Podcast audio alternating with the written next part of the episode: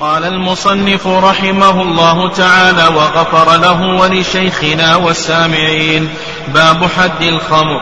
عن أنس بن مالك رضي الله عنه أن النبي صلى الله عليه وسلم أتي برجل قد شرب الخمر فجلده بجريدة نحو أربعين. قال وفعله أبو بكر. فلما كان عمر استشار الناس فقال عبد الرحمن بن عوف أخف الحدود ثمانون فأمر بها عمر رضي الله عنه. باب التعزير. عن أبي بردة هانئ بن نيار البلوي رضي الله عنه أنه سمع رسول الله صلى الله عليه وسلم يقول لا يجلد فوق عشرة أصوات إلا في حد من حدود الله. طيب. بسم الله الرحمن الرحيم. الحمد لله رب العالمين والصلاة والسلام على نبينا محمد وعلى آله وصحبه أجمعين. يقول المؤلف رحمه الله باب حد الخمر. الخمر في اللغة يطلق على ثلاثة معاني.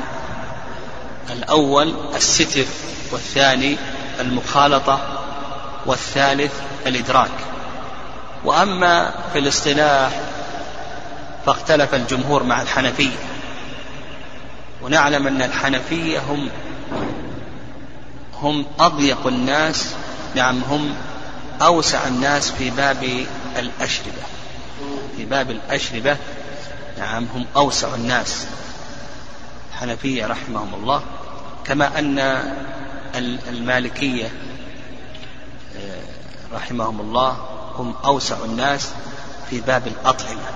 الإمام مالك رحمه الله لا يكاد يحرم شيئا من الحيوانات. والحنفية يتوسعون في باب الأشربة ويضيقون في المقابل في باب الأطعمة. في باب الأطعمة. يعني يضيقون في ذلك. حتى أن الحنفية رحمهم الله وأبو حنيفة يرى أن كل ما في البحر حرام إلا السمك إلا ما طف منه. السمك حلال ما طف منه حرام أيضا. الخمر للعلماء رحمهم الله قولان قول القول الأول رأي جمهور العلماء رحمهم الله أن الخمر كل مسكر كل مسكر فهو خمر. وهذا صريح كلام النبي صلى الله عليه وسلم. كل مسكر خمر. القول الثاني أن المراد بالخمر هو هو عصير العنب وما عصر من العنب فقط. وهذا رأي أبي حنيفة رحمه الله. واستدلوا على ذلك بأدلة. من أدلتهم وسيأتينا إن شاء الله الكلام على هذه المسألة في الزاد من أدلتهم قول الله عز وجل إني أراني أعصر خمر. قال وقد رآه يعصر عنبا. كونه يرآه يعصر عنب هذا لا يلزم من ذلك أن يكون الخمر خاصا في العنب. وش يترتب على هذا الخلاف؟ الخمر هل هو هل هو كل مسكر أو أنه خاص بعصير العنب؟ يترتب على ذلك؟ كيف الحد؟ إيه؟ لا ما طيب افرض إنه شرب كاس من الخمر من العنب وسكر. طيب من خمر الشعير وسكر. هل يقام عند أبي حنيفة؟ لا. لا بالإجماع أنه إذا سكر يقام عليه الحد لكن الخلاف إذا ما سكر إذا ما سكر. الحنفية يقولون إذا شرب من غير العنب من غير خمر العنب كما لو شرب من الشعير أو الفواكه أو غير ذلك من الخمور أنه لا حد عليه إلا إذا وصل حد الإسكار. لكن لو شرب من خمر العنب ها يحد حتى لو شرب نقطة واحدة يحد ما أسكر كثيره فقليله حرام الجمهور إذا شرب خمرا سواء من خمر العنب أو من خمر الشعير أو من خمر الفواكه نقطة واحدة وإن لم يسكر ها يقام عليه الحد. طيب. يقول المؤلف رحمه الله تعالى والدليل على تحريم الخمر القرآن والسنة والإجماع إلى آخره. أدلتها ظاهرة قال عن أنس بن مالك رضي الله عنه أن النبي صلى الله عليه وسلم أتي برجل قد شرب الخمر فجلده بجريدة نحو أربعين. قال وفعل أبو بكر. فلما كان عمر استشار الناس فقال عبد الرحمن بن عوف أخف الحوي ثمانون. فأمر بها عمر رضي الله عنه. نعم. الخمر فيه مسألتان.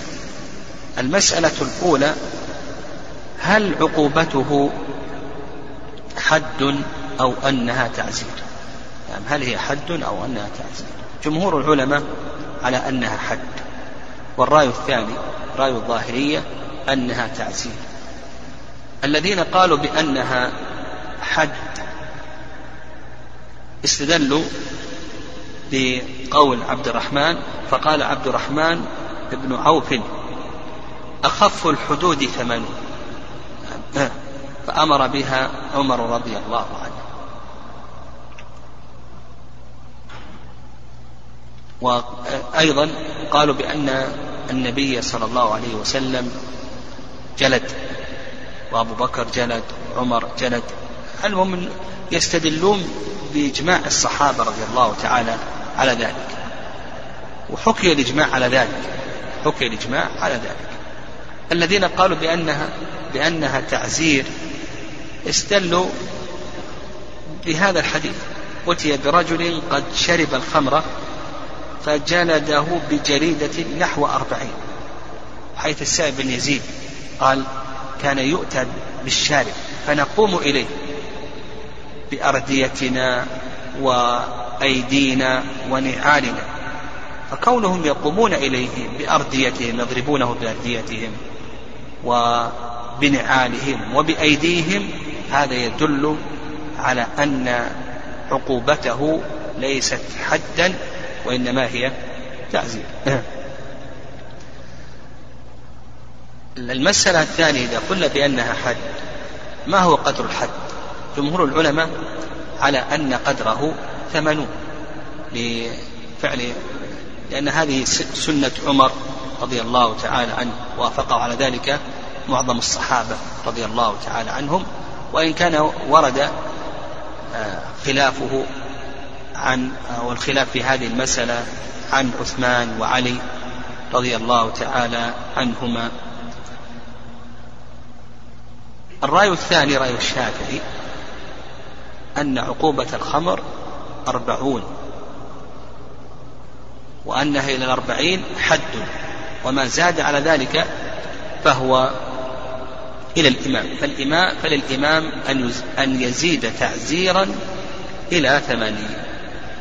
وهذا رأي الشافعي رحمه الله ودليله على ذلك أن النبي صلى الله عليه وسلم كما جاء في حديث علي جلد أربعين وأن أبا بكر جلد أربعين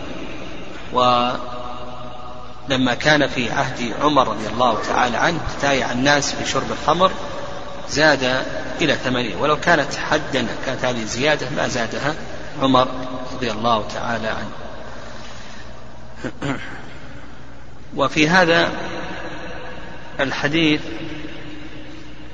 فيه الاجتهاد في المسائل في المسائل ومشاورة العلماء عليها لأن عمر رضي الله تعالى عنه استشار الناس فقال عبد الرحمن بن عوف خف الحدود ثمن. قال رحمه الله تعالى باب التعزير عن أبي بردة هانئ بن نيار.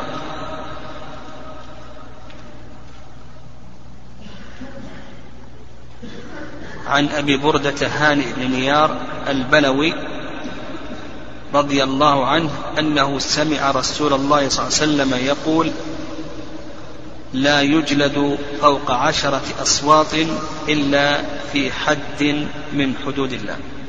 التعزير في اللغة التأديب. وأما في الاصطلاح فهو التأديب في كل معصية لا حد فيها ولا كفارة.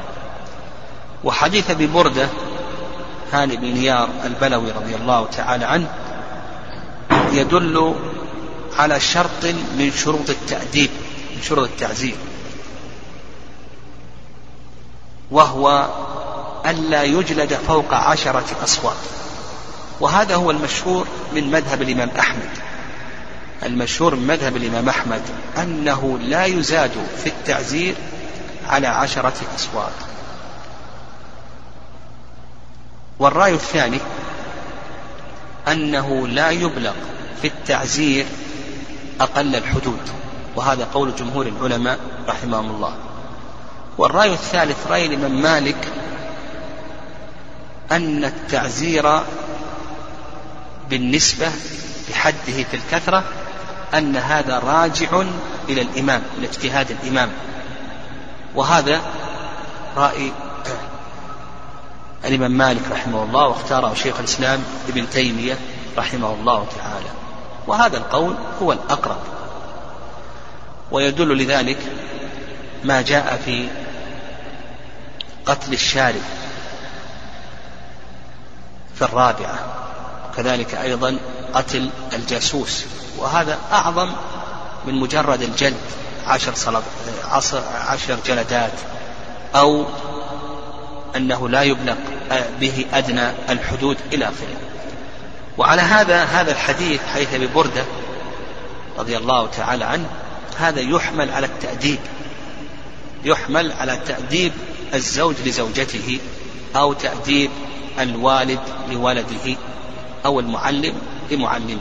فإذا أراد أن يؤدبه فإنه لا يزيد في تأديبه على عشر جلدات. أما التعزير الذي يفعله الإمام في المعاصي التي ليس فيها مقدر من الشارع لا حد ولا كفارة فهذا الصواب في ذلك ما ذهب إليه الإمام مالك واختاره شيخ الإسلام تيمية رحمه الله أنه لا حد له وأنه يرجع إلى اجتهاد الإمام. والله أعلم. Yeah.